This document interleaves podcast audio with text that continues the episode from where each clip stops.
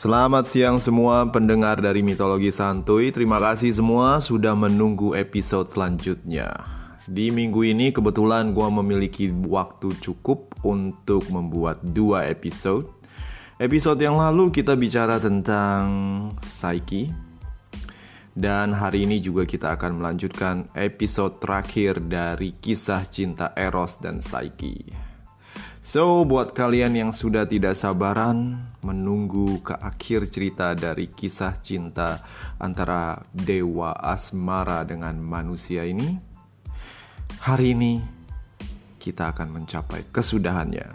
Dan bagi kalian yang sudah tidak sabar untuk mendapatkan episode terbaru dewa mana lagi atau demigod mana yang akan gue bahas, Wah, tunggu sampai minggu depan, oke? Okay? So, Mari kita dengarkan episode terbaru dari kisah cinta Dewa Asmara, Eros dan Psyche.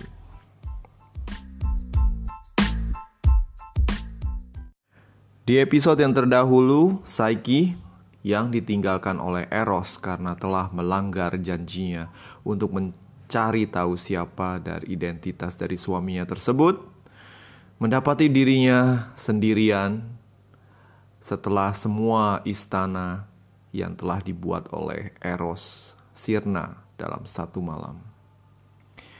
Sang kekasih dari dewa asmara tersebut kemudian tertinggal sendiri, sementara Eros yang terluka terbang meninggalkan dirinya.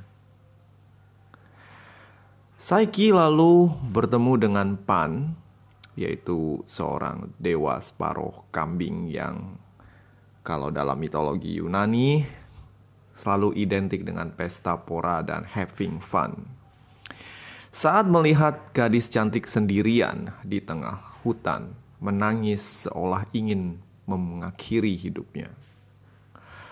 Pan memberikan nasihat, "Woi cewek, jangan muyung melulu lo. Jangan ngebayangin hal yang gangga, jangan bunuh diri. Gua tahu lu siapa. Tenanglah, kalau lu pengen hidup, lu masih ada harapan. Kalau lu pengen mencapai sesuatu yang lebih baik, lu masih ada harapan. Jangan bunuh diri. Itu bodoh. Kata Pan sambil menegak anggur. Perlu diketahui kalau Pan memang selalu setengah mabuk. Karena memang dia adalah salah satu dari grupis dewa Dionysus, dewa anggur. Nasihat dari Pan kemudian mendorong Saiki untuk mengadakan balas dendam kepada saudaranya, Kalante dan Zona yang dituduhnya untuk telah mengakibatkan dirinya mencari tahu, melanggar satu-satunya permohonan suaminya. Saiki dengan nafsu yang membara untuk membalas dendam, kemudian pergi ke tanah kelahirannya, dan tak lama kemudian sampai di hadapan rumah mewah milik dari kakak iparnya, suami Kalante yang bernama Zoba. Sesampainya di halaman rumah tersebut, Kalante kakaknya bertemu dengan Saiki. Saiki yang pandai bersandiwara lalu berkata, Oh kakakku, aku telah menemukan siapa identitas asli dari suamiku. Katakan siapa nak, katakan siapa adikku. Ternyata dia adalah Eros, sang dewa asmara yang tampan dan bersayap putih itu. Eros, yang benar, benar. Jadi selama ini aku bersuamikan Dewa Asmara. Luar biasa, aku iri padamu Saiki. Ah.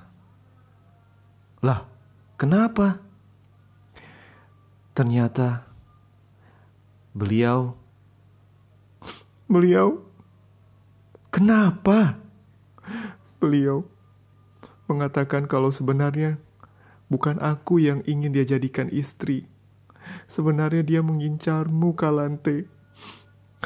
Aku, Aduh. Kenapa adikku? Kalante yang merasa tersanjung berpura-pura simpati dengan Saiki. Singkat cerita, Saiki mengatakan bahwa tujuannya ke sini adalah untuk menjemput Kalante karena disuruh oleh suaminya Eros. Bahwa, you know, Kalante lebih cantik, lebih spesial dibandingkan Saiki.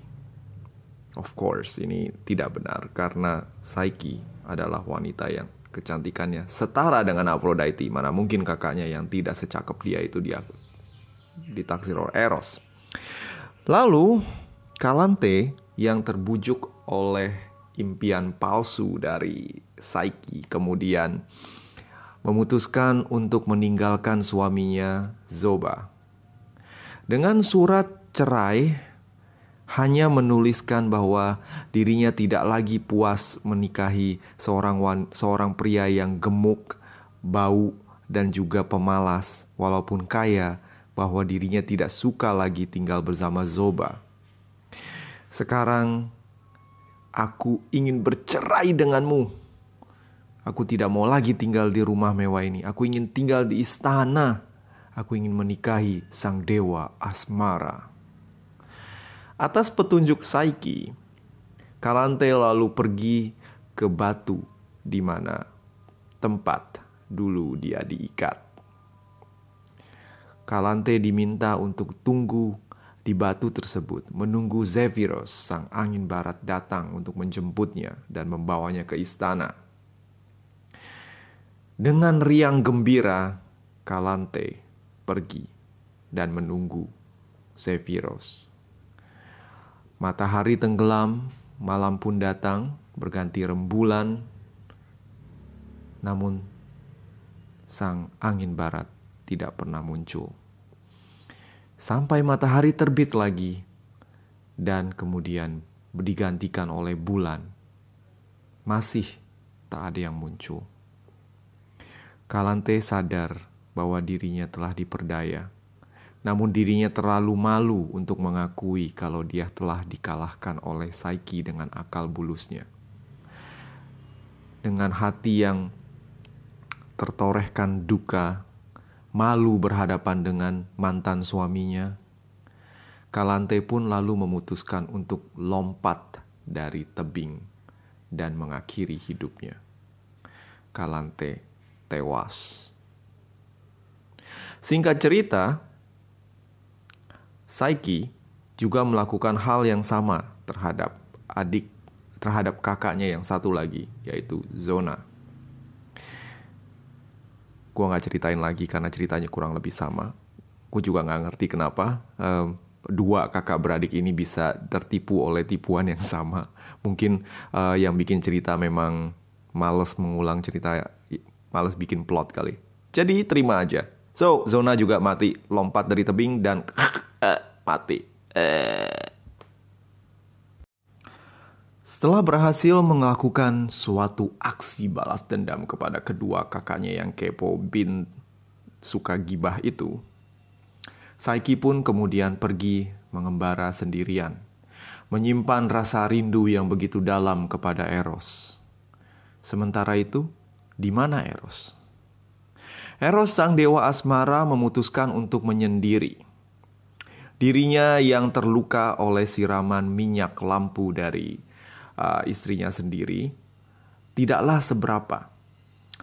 Namun yang mengakibatkan dirinya merasa begitu terluka dan butuh waktu untuk memulihkan diri adalah kekecewaannya yang begitu mendalam karena yang dicintainya ternyata mengkhianati dirinya. Eros meninggalkan tugasnya sebagai dewa asmara. Beliau mengurung diri dan tidak ingin menemui siapa pun atau ditemui siapa pun. Dan terjadilah bencana di permukaan bumi.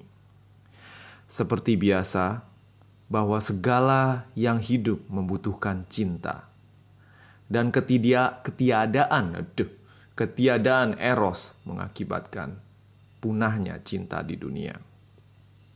Tidak ada lagi pasangan-pasangan yang dimabuk asmara. Ti suami dan istri bertengkar.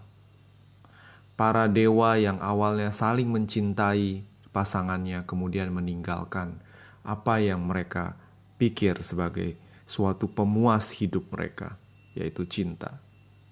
Bahkan Zeus pun merasa dirinya impoten karena dirinya tidak lagi jatuh cinta kepada siapa pun seperti biasa. Kebingungan yang terjadi ini kemudian membuat Aphrodite merasa risau. Sang dewa asmara, Dewi Asmara, dan juga kecantikan ini yakin bahwa ada yang salah dengan dunia ini. Sebelum Zeus memanggilnya, Aphrodite kemudian memutuskan untuk mengadakan penyelidikan. Dan akhirnya dia menemui Eros yang awalnya tidak mau ditemui tersebut. Singkat cerita, Aphrodite mengetahui penyebab dari ngambeknya Eros ini, muyungnya Eros ini. Aphrodite lalu bukannya mencari solusi, malah menyalahkan Psyche yang dituduh telah mengakibatkan Eros menjadi seperti ini. Bagaimana bisa kau jatuh cinta dengan wanita yang telah kukutuk agar jatuh cinta dengan babi? Engkau yang kukirim untuk menjatuhkan kutukan, malah engkau sendiri yang terkena luka cinta olehnya. Hah, anakku, ini saatnya gua harus turun tangan sendiri. Anak tak berguna. Aphrodite lalu pergi dan kemudian mengutus beberapa merpati untuk memberitahukan kepada Psyche bahwa dirinya mencarinya. Psyche yang berpikir bahwa Aphrodite adalah ibunda dari Eros tentu tahu di mana Eros berada. Mengikuti nasihat dari merpati dan bimbingannya, Psyche pun sampai di istana Aphrodite. Namun bukannya satu sambutan oleh Aphrodite ataupun Eros yang didapati oleh Psyche adalah rantai.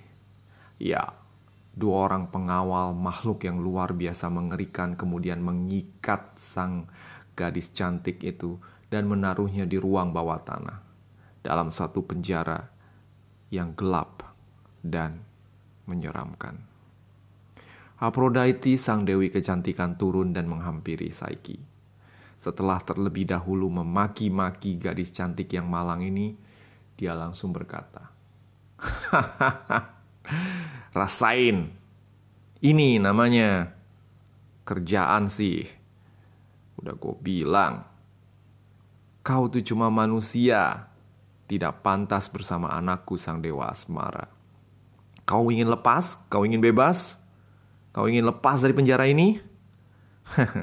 bisa, bisa sekali. Nih, kerja ini nih.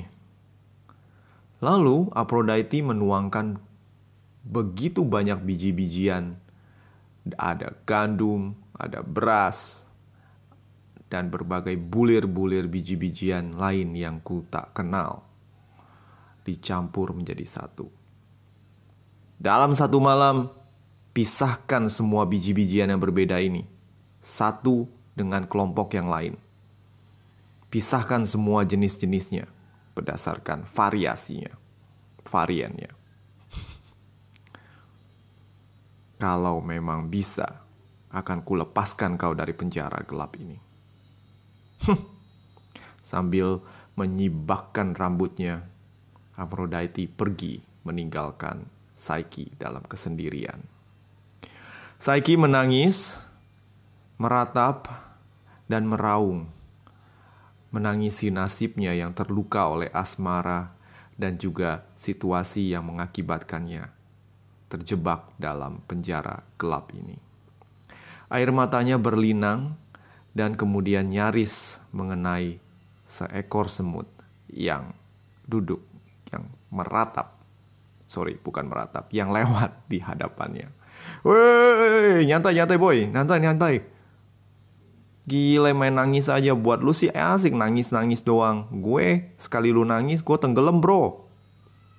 Sorry, bukan bro, sis, sis.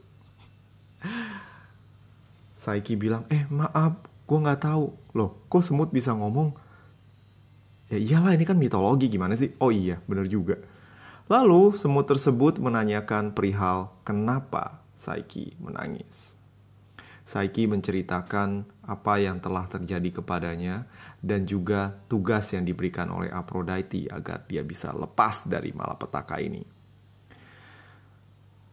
Sang semut kemudian merasa iba dan kemudian mendatangkan keluarganya yang berjumlah puluhan ribu.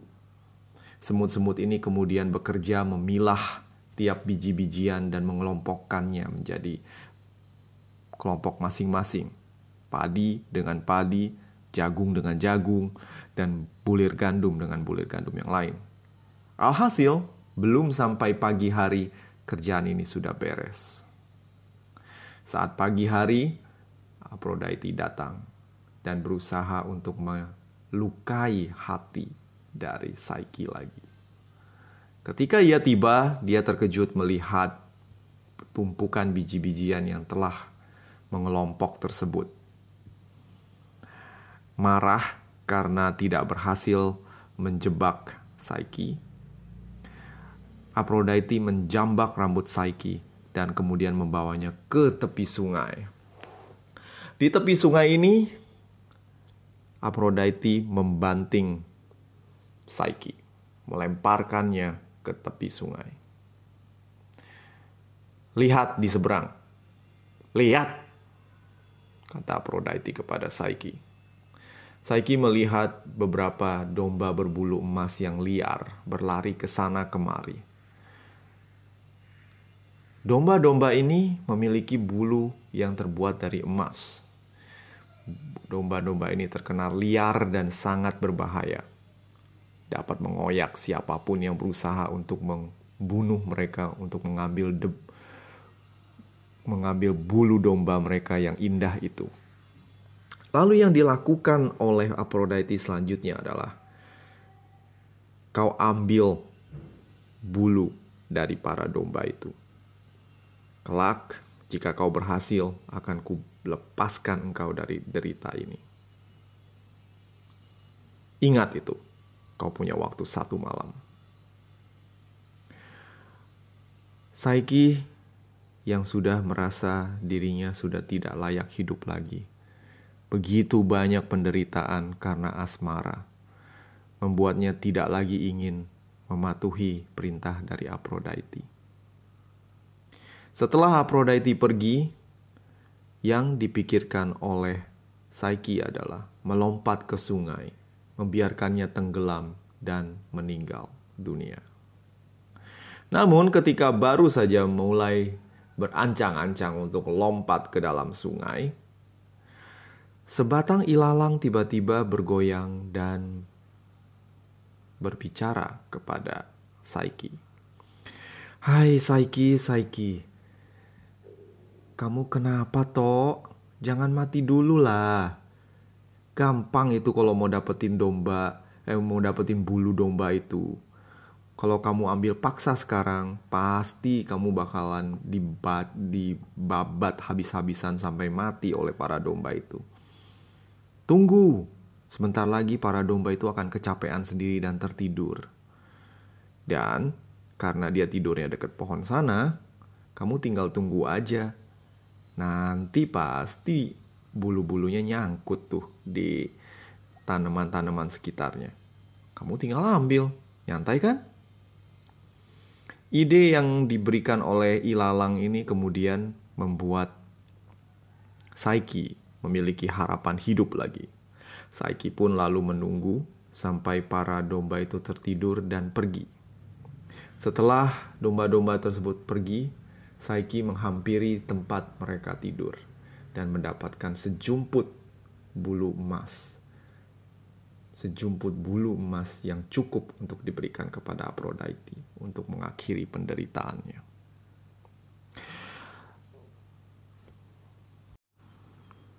Ah, kenapa kau bisa melakukan hal seperti ini? Aku menyuruhmu bukan karena aku pengen kau bebas. Aku ingin kau menderita, kata Aphrodite. Namun, karena statusnya sebagai seorang dewi, dia tidak bisa mengingkari apa yang dia katakan. Tapi, bukannya memberikan kebebasan untuk Saiki.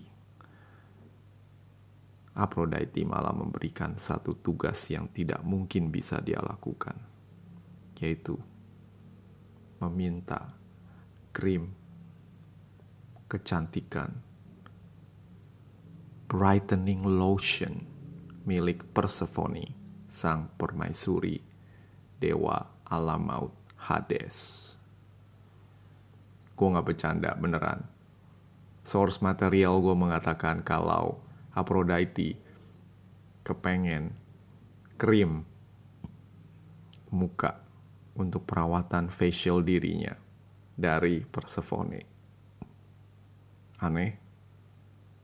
Ya iyalah, kan mitologi. Jangan dimasukin logika. Oke. Lalu Persephone, Persephone. Lalu Psyche mengutus Loh, kok Saiki? Aphrodite, sorry sorry. Out of character, gue ngaco. Hmm, gue butuh kopi kayaknya. Anyway, so Saiki kemudian diutus ke alam maut. Dan dia tahu kalau tugas ini adalah tugas yang tidak mungkin tercapai. Dia tidak akan kembali lagi ke dunia alam hidup dan dirinya akan selamanya menjadi penghuni alam maut karena Persephone dan Hades. Kedua pasangan ini adalah pasangan yang tidak pernah mau melepaskan orang hidup ke dunia lagi setelah memiliki mereka di alam maut. Lalu tinggallah Saiki di alam maut. Dirinya tak lagi bisa ke alam nyata. peristiwa turunnya Eros, sorry, Psyche ke alam maut disaksikan oleh para merpati.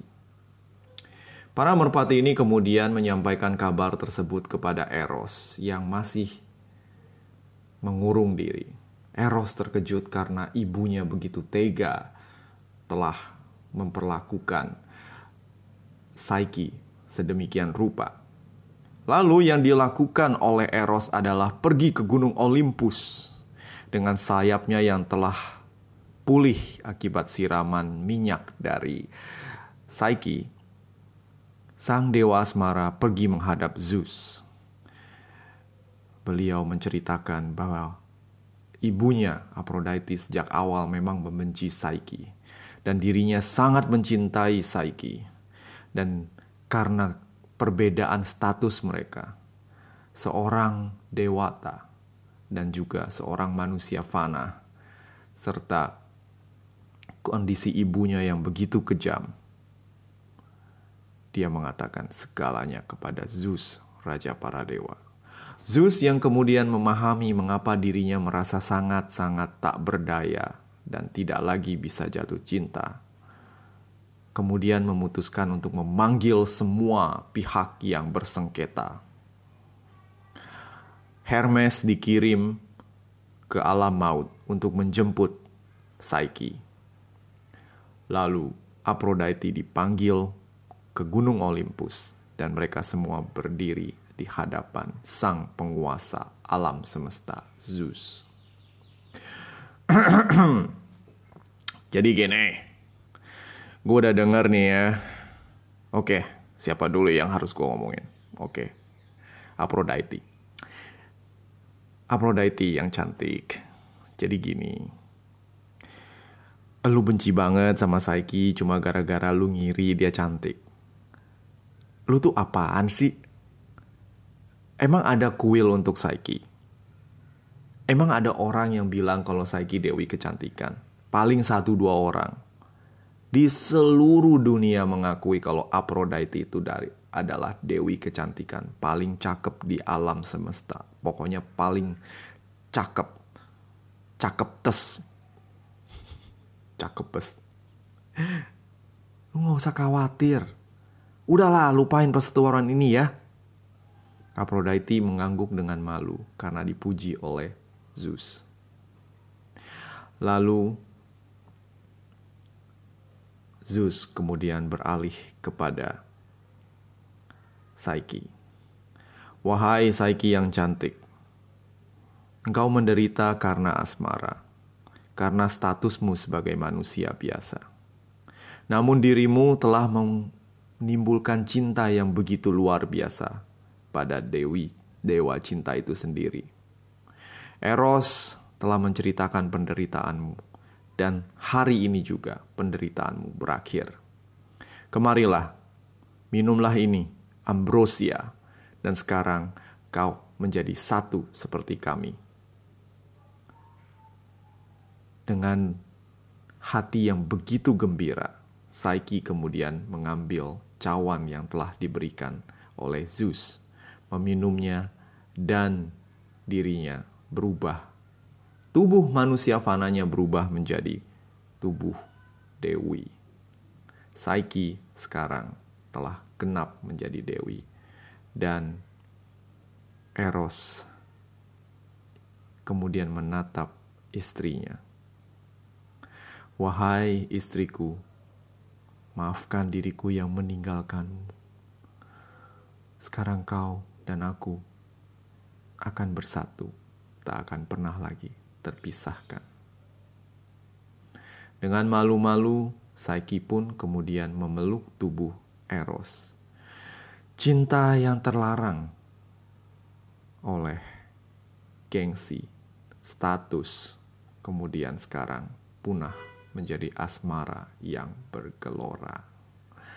Dan semua penghuni Olympus serta dunia kembali diliputi oleh rasa cinta yang menjadikan dunia lebih berwarna. Nah, nah, nah.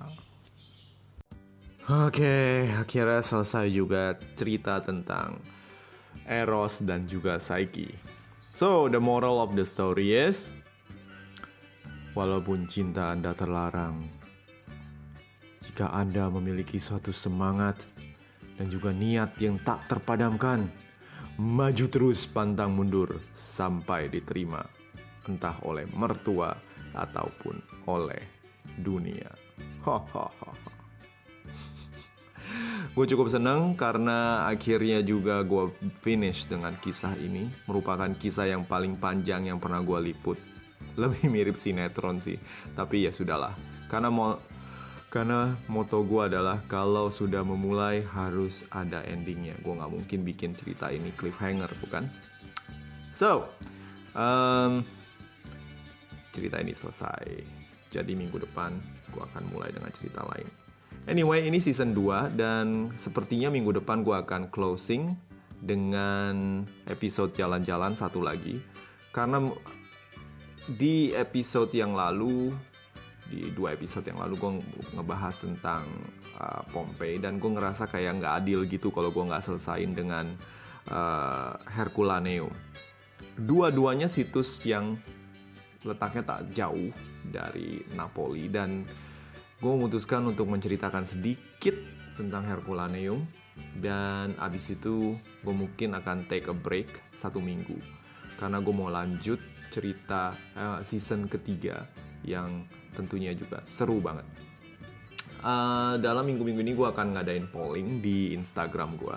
Jadi kalau misalnya lu follow gue di Guru Kelana, um, lu bisa ikutan polling tentang tokoh mana yang bakal gue liput. So, jangan lupa follow gue di Instagram Guru Kelana. Juga ada di kalau mau baca cerita gue ada di gurukelana.com Lu juga bisa follow gue di Guru Kelana Facebook page.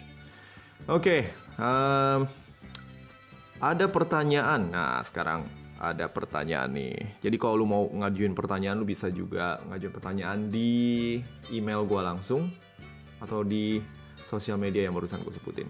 Email gue itu ada di gurukelana007 at gmail.com. Nah, oke, okay, saatnya untuk membaca surat dari penggemar. Seorang, nah ini dari Instagram nih, baca dulu ya. Dalam bahasa Inggris pertanyaannya, tapi gue terjemahin ke bahasa Indonesia aja dari Jeff. Nah, Jeff bertanya, kok ada dewa yang namanya Koalemos ya? Buat kenapa?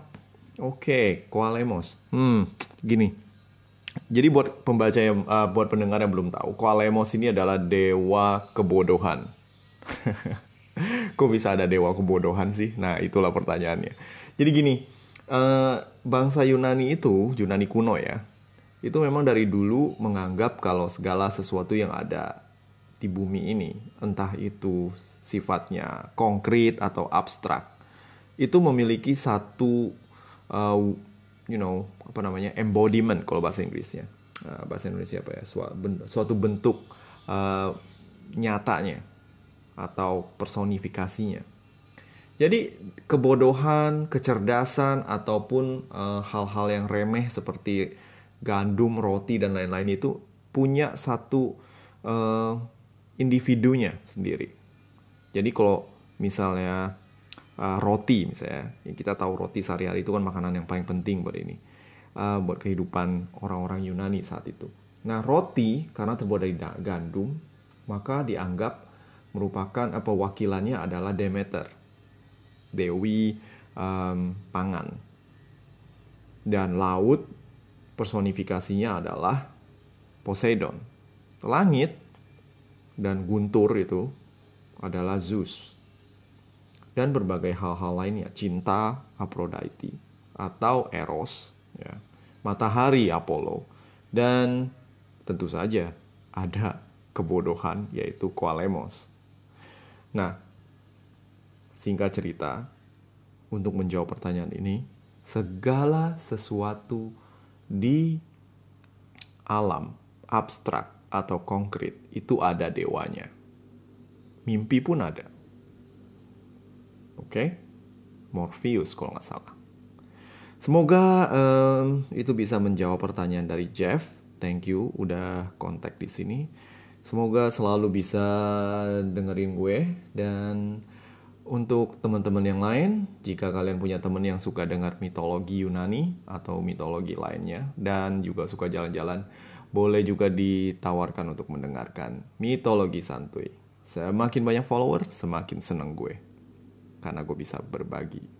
Oke, okay. sudah ya. Gue mau lanjut lagi dengan aktivitas yang lain. Makasih untuk yang udah dengerin. See you again on the next one.